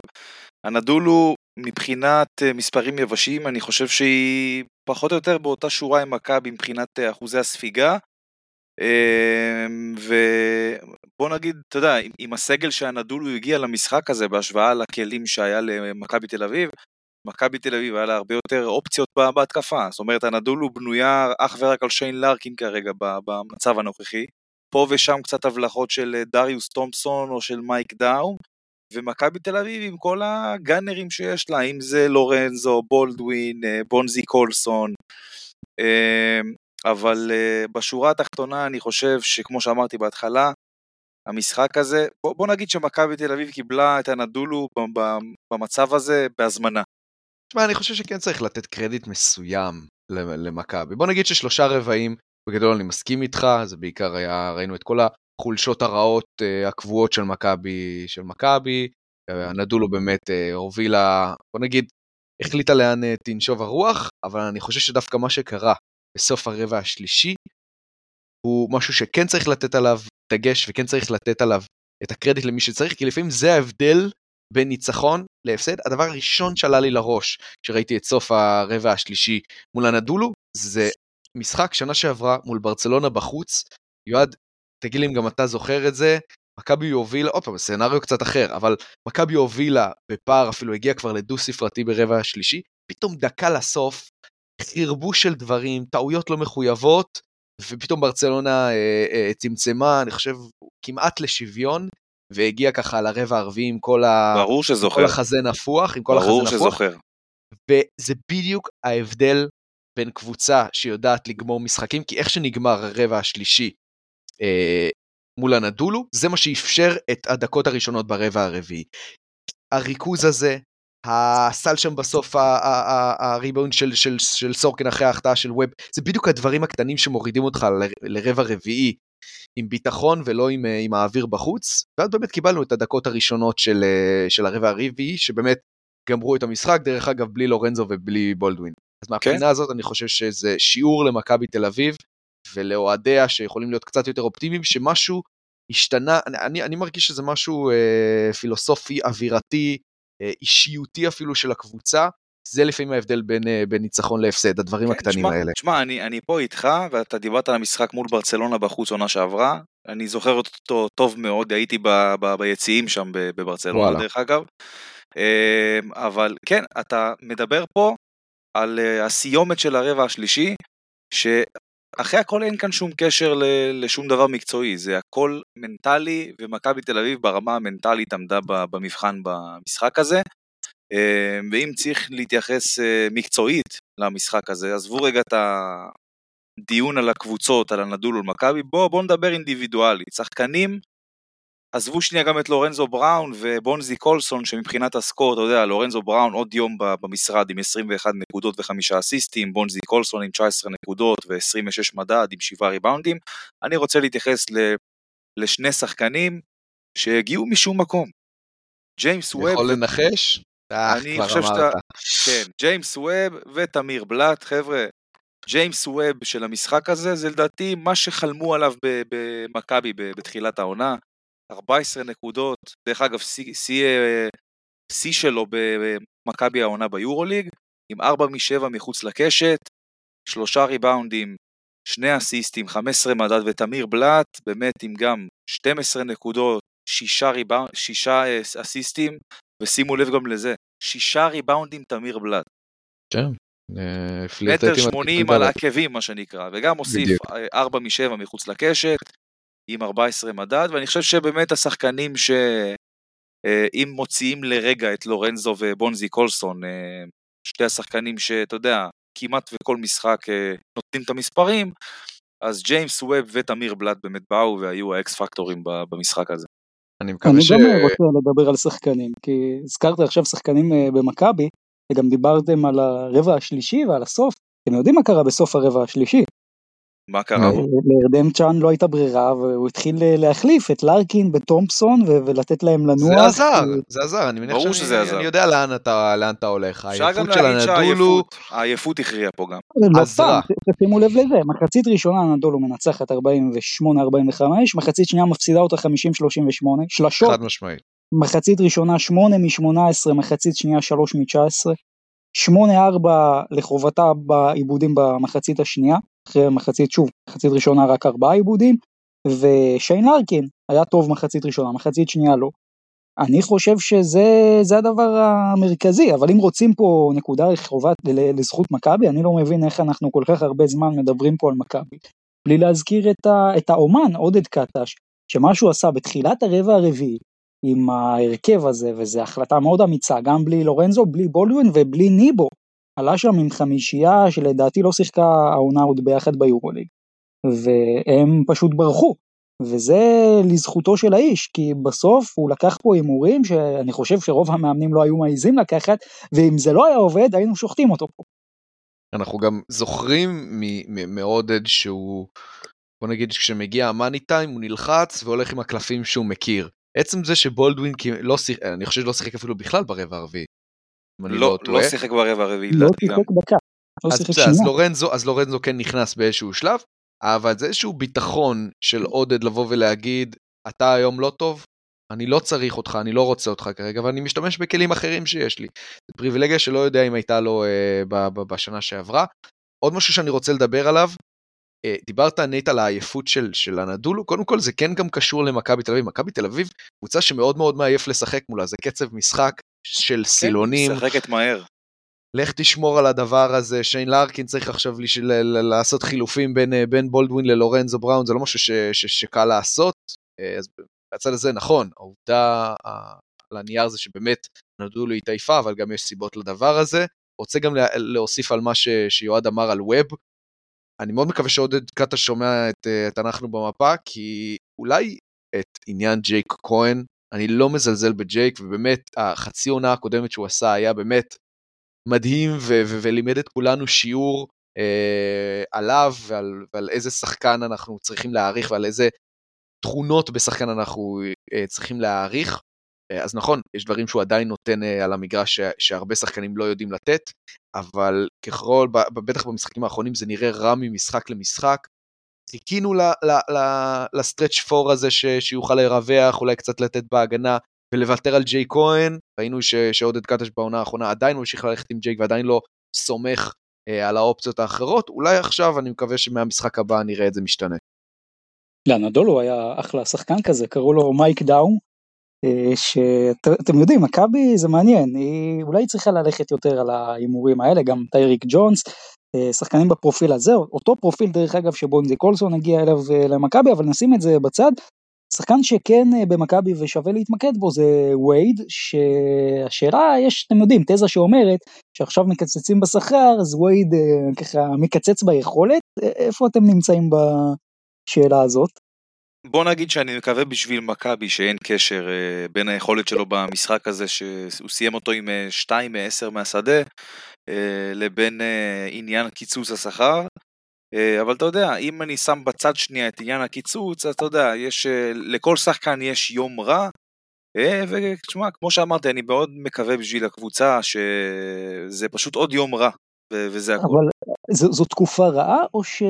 יש מצב שאנחנו מתחילים לחזות בתחילת הדרך החוצה של בולדווין אני לא יודע, זה עוד מוקדם לדעתי, ואתה יודע, תשמע, אל תשכח גם שהוא היה חודש בחוץ, חודש וקצת בחוץ, עם פציעה בגב, וכל המלחמה, ומשחקים בלי קהל, זה הכל ביחד. לא, לא, לא הייתי ממהר לשפוט. זהו, אני, אני חייב להגיד, אני מאוד מאמין בבולדווין, ביכולת שלו, אה, גם אגב עונה קודמת, שהרבה זרקו אותו, אני חשבתי ש... אסור לעשות את זה, והנה, אה, בולדווין בסוף הביא את מכבי לאן שהוא הביא אותה. אני לא יודע לגבי עניין הכימיה, זו שאלה שככה, היא, היא כן יכולה להרוס את הכל לדעתי, אה, ואני מקווה, כמו שאמרת, בשביל מכבי שאין שם איזו בעיה, כי מבחינת יכולת אני לרגע לא דואג לבולדווין, לדעתי הוא יצליח. אה, בואו נתקדם קצת, יש לנו שבוע כפול, בסקוניה הכוכב, לפני רגע שננתח פה כל קבוצה, האם אפשר להגיד שזה שבוע שחייבים לעשות בו 2 מ-2 או שאפשר להיות צלחניים גם ל-1 מ-2? תשמע, כל שאלה לאן מכבי שואפת. מכבי תל אביב זאת קבוצה עם יומרות של פלייאוף, אז חד משמעית כן. זה שבוע של uh, חובה 2 מ-2. עכשיו אה, בואו נדבר קצת על היריבה הראשונה, בסקוניה. בעצם קבוצה שונה כמעט לחלוטין אה, לפני דושקו ועם דושקו, מה, מה איבנוביץ' שינה שם? אני חושב את רמת המחויבות קודם כל. אנחנו ראינו בעידן של פנרויה קבוצה שבאמת לא שמה דגש על הגנה בכלל. בדומה למכבי תל אביב דרך אגב, למרות שבמכבי עדיין, ככל שהזמן עובר, אני מאמין שהעניין הזה יתאזן, אבל אתה ראית בבסקוניה, בגרסה הקודמת שלה, אין הגנה בכלל. ואצל דושקו, אתה שם לב לניואנסים הקטנים האלה, שפתאום יש לך איזה כמה דקות אה, של קצת אה, העלאת רמת האגרסיביות, פתאום מתחילים קצת יותר להזיז רגליים, אה, להרביץ יותר, ואני חושב שפה פחות או יותר השינוי מתבטא. בואו נסתכל רגע נגיד מצ'אפ. אז יש לבסקוניה מונקה, סדקרסקיס, אה, מרקוס האווארד, האם אה, זה שחקנים שמכבי יכולה אה, לעצור בהגנה שהיא מציגה היום, או שאנחנו אומרים מכבי הולכת לנצח את המשחק הזה רק דרך run and gun, בדומה אגב למשחק האחרון שהיה בין הקבוצות בהיכל, שהיה משחק בדיוק בסגנון הזה שאמרתי עכשיו, כל קבוצה פה עושה ריצה, ובסוף מכבי מנצחת כי יותר מוכשרת. תשמע, אני, אני באמת אומר לך, שחקנים כמו שיש לבסקוניה, אם זה מרקוס האווארד, אה, או וניה מרינקוביץ' לדוגמה, זה שחקנים, אנחנו ראינו במכבי תל אביב במשחקים האחרונים, כמעט כל pick and roll, short roll, יש איזה קלעי פנוי בפינה, אם זה אחד הגארדים או אחד הפורוורדים. בוא נגיד שאם מכבי תל אביב אה, תזלזל בהגנת ה pick and roll במשחק הזה, היא תיענש ותיענש בחומרה. אמ, לבסקוניה יש גארדים שאסור לעזוב, וגארדים כמו אאוארד או וניה מרינקוביץ' זה שני שחקנים שבאמת אם אחד מהם תופס יום, אז חבל על הזמן של כולם. אני רוצה להגיד שאני לא יודע כל כך איך לאכול את בסקוניה הנוכחית. אני עדיין חושב שאנחנו עדיין רואים, אמנם על ידי דלק, אבל את אפקט החלפת המאמן. יכול להיות. אני לא יודע כמה היא מוכשרת כמו, ש, כמו שהתוצאות האח, במשחקים האחרונים מראים. אה, אני חושב שהיא קבוצה פחות טובה משנה שעברה, אין לך את גידרייטיס, אין לך את אה, אה, תומפסון. אני חושב שבגדול בפוטנציאל על הנייר, כן למכבי, אפשר להגיד שיש מצ'אפ סביר, אה, סביר מול בסקונה, היא יכולה לשחק את המשחק שלה בלי שזה יפגע בה בצורה, אה, בצורה טוטאלית. אה, כי גם בסקוניה, באמת... כי גם בסקוניה גם, אתה יודע, היא נשענת על משחק ההתקפה שלה ועל הקצב המהיר. ו... בגלל זה אני אומר בין היתר. כן, כן. בגלל זה אני אומר בין היתר. אני גם חושב שבסוף הליגה הספרדית די מוכיחה את מה שאמרת אופי, כלומר, בסקוניה בליגה הספרדית אה, לא מדורגת גבוה, היא שם איפשהו באמצע הטבלה, אז אפשר לא להתרגש מליגה מקומית, אבל לא לשכוח שיש גם פלייאוף וזה גם עניין שחושבים עליו שם ובסקוניה כרגע בסיטואציה מסוימת זה לא אף אחד לא ייפול מהכיסא אם היא לא תעשה פלייאוף בסיטואציה שהיא נמצאת עכשיו. אז אה, אני חושב שבסוף בסקוניה זה המשחק הקל אני אפילו אומר אני דווקא חושב ופה זה מעניין אותי מה אתם אומרים שדווקא הכוכב האדום יש פה קצת אה, עניין tricky כי הכוכב האדום אני חושב קבוצה קצת יותר טובה ממה שהיא עושה עד עכשיו ביורוליג היא רק 9-5 שלילי 10-1 חיובי באדריאטית, היא יכולה לעלות היום גם ל-11-1 עם מקום ראשון. לא צריך להתרגש מהליגה המקומית, אבל בסוף אה, היא קבוצה שבשקט בלי לשים לב, נכון, היא, היא מגלה לנו העונה הגנה מזעזעת, אבל מקום חמישי ביעילות ההתקפית שלה, יחס מאוד טוב אה, בריבאונד, גם בהגנה, גם בהתקפה. אה, מכבי למשל היא עם היחס הכי טוב בריבאונד התקפה, הכוכב האדום מקום שני, אה, אבל גם, כמו שאמרתי, יש לה יחס טוב בריבאונד הגנה, שאלה אם מכבי תל אביב יכולה פתאום למצוא את עצמה נופלת פה אולי לאיזה משחק פיזי ובקצב גבוה ולהתחיל לאבד את זה. קודם כל לשחק מול מילוש זה אף פעם לא כיף, אם הוא נגדך. אמ, והכוכב האדום, תשמע, מכבי תל אביב לא ניצחה את הקבוצה הזאת כבר כמה שנים טובות. זה משהו שגם צריך uh, להתייחס אליו, אבל אם, אם מדברים מקצועית נטו, הכוכב האדום לא קבוצת כדורסל טובה. ואני לא אומר את זה מעכשיו, אני אמרתי את זה בערך אפילו מחודש אוגוסט, שהם רק בנו את הקבוצה. אמ, אני חושב היינו אז בפרק 50 ומשהו, אם אני זוכר נכון. אמרתי שהבנייה עקומה, אבל הכוכב האדום זאת קבוצה שביום נתון יכולה לעשות צרות לכל קבוצה, ולא משנה מי זאת, אפילו גם ריאל מדריד, או ברצלונה, או מונקו, יש לה את הכלים באמת אה, לעקוץ אה, כל קבוצה ביורוליג. אה, גארדים מפוצצים בכישרון ו IQ, נמניה נדוביץ', שבאז נאפייר, מילוש, אה, גיידרייטיס, ואני באמת נוטה להסכים איתך נייט שהמשחק היותר קשה השבוע למכבי תל אביב זה מול הכוכב האדום. כן, אני באמת אתן את הקרדיט, לא יודע אם זה קרדיט אפילו לאלוהי הכדורסל, אני חושב שהם הולכים להשתלט על המשחק הקרוב, גם בגלל מה שאמרת יועד מבחינה מסורתית, ש, ש, שהכוכב האדום... מכבי תל אביב תמיד זה, מתקשה מולם. דיברו על זה שעכשיו מכבי מן הסתם מנצחת בבלגרד כי היא משחקת שם, אבל שנים שלא ניצחנו בבלגרד, לא את פרטיזן ולא את הכוכב. עכשיו המשחק בית שלנו הוא בבלגרד, מול יאניס, מול קבוצה מוזרה כזאת כמו, כמו, כמו הכוכב האדום, אז מהבחינה הזאת אני חושב שדווקא אה, המסורת אה, תהיה מאוד דומיננטית במשחק הזה, לא לתוך... זה ממש אה, שאלה פילוסופית, מי פה הקבוצה הביתית? במובן מסוים זאת הכוכב האדום באולם הזה. אה, אגב, יאניס אה, חוזר, מכבי גם מעניין, כן. אה, אבל זהו, זה אמור להשפיע או סתם מעניין, אני, אבל לא... לא, סתם, אתה יודע, סגירת מעגל יפה כזאת, לחיצות ידיים, שלום שלום. אבל... טוב, לפני, הסיבוב, לפני הסיבוב יורוליג, אנדר עובר 25 נקודות נמניה נדוביץ'. זה בדיוק מה שבאתי לשאול, רק 30. 30? הוצאת לי את המשפט מהפה. over, כן. דרך אגב. טוב, נעשה ברכת הגומל ב... מתי עושים? לפני או אחרי ברכת הגומל? אפשר גם וגם. אחרי שניצלים, אחרי שניצלים מהמוות. אני אומר נעשה גם וגם ליתר ביטחון, אתה יודע. אוקיי. מה, מה אתם אומרים על איזה שלשה כזאת כמו בעונה הקודמת מול פרטיזן? לא, שמע, אה, הוא, יתפור, הוא יתפור, אין פה, אין פה שאלה בכלל. טוב, אה, נראה לגביו. אה, בואו נדבר על מה שהיה השבוע ביורוליג. בסך הכל, כשאני מסתכל על הטבלה, אז יש פה 16 קבוצות שלגמרי במאבק, שתי קבוצות שהן לא, אבל אפילו מילאנו נגיד, אז הנה היא מנצחת, איך אתם רואים את הטבלה עד עכשיו? כבר עברנו יותר משליש.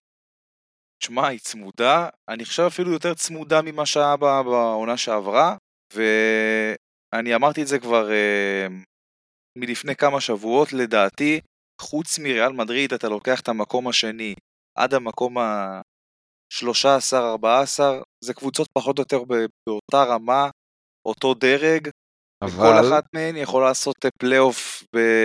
בכל מיני מקומות, גם מקום רביעי חמישי. אבל יועד, שאלה קריטית, אתה יודע, שנה שעברה דיברנו על היורוליג וכמה הוא תחרותי והכל צמוד וכל משחק קובע, האם הבטן הכל כך גדולה הזאת ממקום ש... שני עד מקום, אני יכול להגיד אפילו מקום 12, אולי אפילו קצת יותר, האם זה לא נובע גם, לפחות זאת הרגשה שאני מרגיש מאיזושהי חולשה של היורוליג העונה? יכול, יכול ו... מאוד להיות. יכול הרבה פעמים, הרבה להיות. פעמים משייכים, משייכים תחרותיות וטבלה צפופה לוואו, כמה כולם טובים וכמה תחרותי וכיף פה. הפעם לדעתי זה הרבה בגלל איזושהי חולשה של קבוצות הביניים. אתה יודע מה, מה אני חושב? אני כבר רוצה הרבה זמן להגיד את זה. אני לא חושב שזה בעיקר נובע מחולשה אמיתית.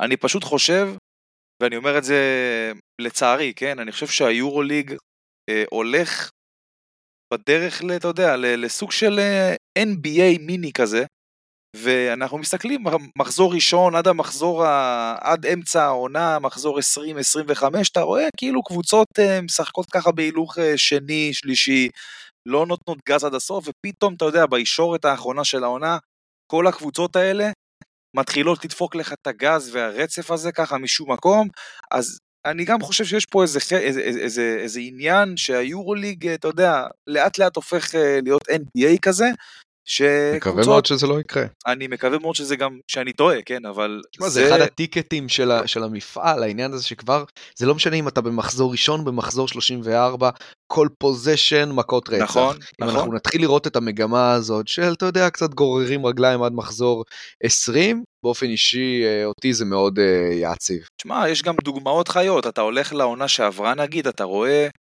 בסדר, אפשר גם להגיד שלקח לקבוצה הרבה זמן אה, להתחבר, ופתאום באיזה מחזור 26 אה, העניינים שם התחברו והיא יצאה לרצף ניצחונות, אבל אתה יודע, עונה שעברה, סביב מחזור 20 כזה, מכבי תל אביב, אני חושב, הייתה באזור המקום העשירי, פרטיזן בכלל יותר נמוך, הייתה מקום 13-14, ואנחנו ראינו איפה שתיהן סיימו.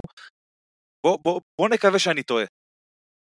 לא, אם ה... אנחנו ככה מסתכלים גם על מה שהיה, אז בסוף אה, מאוד יכול להיות שיהיו פה עוד אה, שינויים, וכמו שדיברנו, ולנסיה, בסקוניה, לא יודעת כמה הקבוצות האלה היו תחרותיות עד הסוף, כן חייב חצי מילה על וירטוס בולוניה, אה, אני מקווה שהיא לא ממשיכה להפתיע, כי היא לא אמורה להפתיע, זאת וירטוס בולוניה של העונה, והיא קבוצה שבקונסטלציה מסוימת בהחלט יכולה למצוא את עצמה בפיינל 4 פלוס פלוס, כלומר, כרגע היא משחקת כדורסל פשוט אה, ברמה הכי גבוהה שיש פה במפעל הזה, הרבה יותר מכל ה... אה, אני יודע מה, אולימפיאקוס ופנטינאיקוס, אז אני מבסוט. אה, זה זמן טוב לעבור להימורים שלנו, קודם כל נתחיל ממה שהיה פה בשבוע האחרון, אז uh, ביורוליג אני הייתי עם 5 נקודות, יועד עם 4, אופק עם 4, יורו קפני עם 3, אופק עם 2, יועד עם 1, ליגת האלופות יועד עם 2, אופק עם 2, אני עם 3, אז את השבוע אני ניצחתי עם 11-8-8, האם uh, מתחיל פה קאמבק, שאלה מעניינת, אגב, בטבלת ההימורוליג שלנו אז אופק מקום ראשון עם 84 נקודות, יועד מקום שני עם 76, ואני במקום האחרון עם 70 נקודות. מה שאנחנו נעשה, גם לאור הבקשות הרבות שלכם, אז אנחנו פה ניתן לכם קצת יותר הימורים גם על uh, ליגת האלופות וגם על היורו-קאפ, אנחנו נתחיל כמובן בהימורו-ליג שלנו עם כל המשחקים, יורו-קאפ וליגת האלופות קצת פחות, אבל בשבועות שיהיו בהם פחות משחקים, uh, במיוחד בליגת האלופות uh, נהמר יותר. Uh, בואו נתחיל עם היורו-ליג ועם ההימורו-ליג, מחזור 15 שלנו, והמשחק הראשון, הכוכב האדום, ריאל מדריד. ריאל מדריד. ריאל מדריד. גם אני עם ריאל מדריד, אלבה ברלין, ברצלונה. ברצלונה. ברסלונה.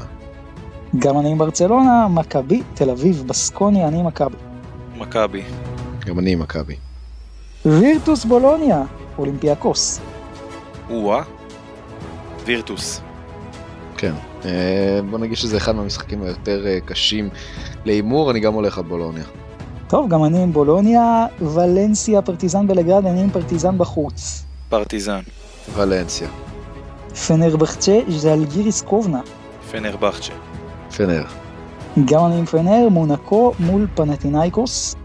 מונקו. פאו. ואני גם עם מונקו. מינכן אנדולו, אני עם אנדולו בחוץ.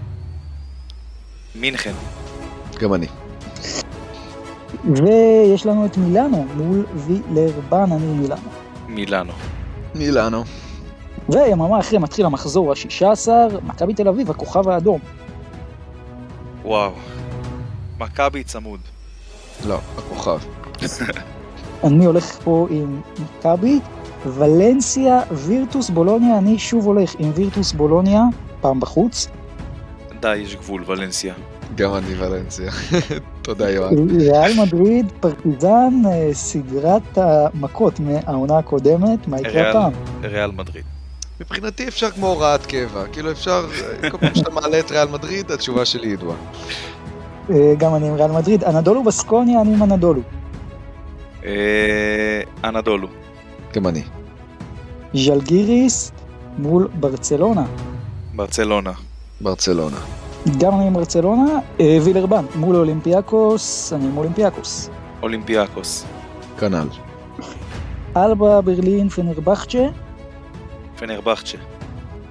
יאללה שאראס. גם אני עם פנר, מינכן מול מונקו בבית, פה אני אלך עם ביירן. מונקו. מונקו. מילאנו מול פנאתינייקוס בבית, ואני שוב אלך עם הביתית, עם מילאנו. גם אני מילאנו. וואה, עד כדי כך חוסר אמונה בפנאתינייקוס. טוב, זה, זה ההימור ליג של השבוע הכפול שלנו. בואו נתחיל פה ליורו-קאפ, אז ניתן לכם פה את כל המשחקים חוץ משל פריז וקנריה, שאנחנו עדיין ניתן להם את ה respect שהם די obvious, במיוחד לאור היריבות שלהם. אז טורק טלקום מול אריס סלוניקי. אריס סלוניקי. ג'ילן אדם משחק? לא, לא, ג'ילן מזמן לא. אני צוחק, אני צוחק, אני צוחק, טוב, טלקום. גם אני עם טורק טלקום, קלוז' נאפוקה מול בורג', משחק רציני מאוד שם. משחק מעולה. קלוז' נאפוקה. גם אני הולך על נאפוקה. גם אני עם די.ג'י סילי וקלוז' נאפוקה, ליטקבליס מול אולם, אני הולך עם הליטאים. אולם. אול. ורוצלב מול בודצ'נוסט, אני עם בודצ'נוסט. בודצ'נוסט. כנ"ל. וולפס מול בדלונה. בדלונה. וולפס. ואני עם בדלונה לונדון מול פרומיטי. פרומיטי. לונדון. גם אני פה עם לונדון, צ'דוויטה מול בשיקטש, אני עם בשיקטש. בשיקטש. תקדם. והפועל תל אביב, נסיים עם הישראלית שלנו מול ונציה, אני עם הפועל תל אביב. הפועל. הפועל. זה היה היורו-קאפ, בואו נעבור להימור שלנו על ליגת האלופות. נתחיל uh, מהמשחקים שיש להם כמובן, אנחנו ניתן לכם פה את מה ש... רגע, נתחיל שוב. אז זה היה היורו-קאפ, בואו נתקדם לחלק האחרון של ליגת האלופות. אנחנו ניתן לכם פה רק משחקים שיש עליהם בעצם מה לשחק בהם, אה, וכמובן את הישראליות, את הפועל ירושלים וחולון. אה, נתחיל בבית B, שימו לב להימור, לא משחק, מי הולכת לסיים שם במקום השני? ריטאס וילנה או פרומיטאס פטאס? פרומיטאס. אה, פרומיטאס. אומרים ריטאס וילנה. אה, בואו נעבור למשחקים קצת. שולה תנריף, המנצחת פה ראשונה בבית של הפועל ירושלים. מה אתם אומרים? תנריף. שולה. גם אני הולך פה עם שולה. דרושפקה ריגה. המפסידה פה עפה. דרושפקה גם. גם אני עם דרושפקה, אה, בואו נעבור לבית E, גם בית שמצטרף עם ה, אה, בעצם הפועל ירושלים, אוסטנד קרשיאקה. קרשיאקה. אוסטנד. אני גם עם קרשיאקה, שטרסבורג מול אולדנבורג, אני עם הצרפתים. שטרסבורג. גם. ונסיים פה עם בית F והמשחק של הפועל ירושלים. קודם כל בראוגן בון, אני עם, עם בראוגן, אני חייב, אמרתי פה בית של 3-3. בראוגן. בון. וטוב, אין לי ברירה, חולון בורסה ספורט, בשביל הבית 3-3 אני הולך על בורסה ספורט. אני עם חולון. תאמין לי, אתה עוכר ישראל גדול. חולון. וטוב, משחק לפרוטוקול, אבל עדיין, הפועל ירושלים בנפיקה ליסבון, אני חושב שהפועל ירושלים תנצח. הפועל ירושלים גם. בכדורסל או בשחייה בים? זו שאלה מעניינת, אבל אה, אני לא יודע למה- אני לא יודע למה אתם אומרים שחייה בים, אנחנו בדצמבר, כאילו, אני לא חושב שב- שבאירופה כל כך יש אה, מזג אוויר לים, אולי בגלישה. גלישה שלג הכוונה. טוב, אופק, הפועל ירושלים הוא בנפיקה ב... סליחה, 40 אתה דקות. רואה, התבלבלתי כבר, ירושלים. אז הפועל ירושלים. טוב, וזה היה ההימור שלנו לליגת האלופות. אגב, מוזמנים אה, לרשום לנו בתגובות מה אתם אה, חושבים. וזה היה הפרק ה-66 שלנו, אנחנו שבוע הבא נהיה פה עם 67, לא גבולות 67, אלא עם פרק 67 שגם יסכם את אה, שלב, אה, של- הסיבוב הראשון בעצם, שלב הבתים הראשון בליגת האלופות, אה, ונסתכל קצת יותר גם על הבית של הפועל ירושלים ההמשך, אה, בתקווה כמובן גם הבית של הפועל חולון. יורוליג, שבוע כפול, לקראת סיום הסיבוב הראשון, הפועל תל אביב, זה יהיה פה מעניין כרגיל, ואנחנו גם אה, ככה לאט לאט אה, מתקרבים לסיום אה, 2023, אנחנו גם נהיה פה משהו מיוחד לכבוד זה, אבל אה, זה לבינתיים לשבוע הזה, אז שיהיה לכם אה, שבוע נהדר. שבוע מצוין חברים שיהיה. ביי ביי.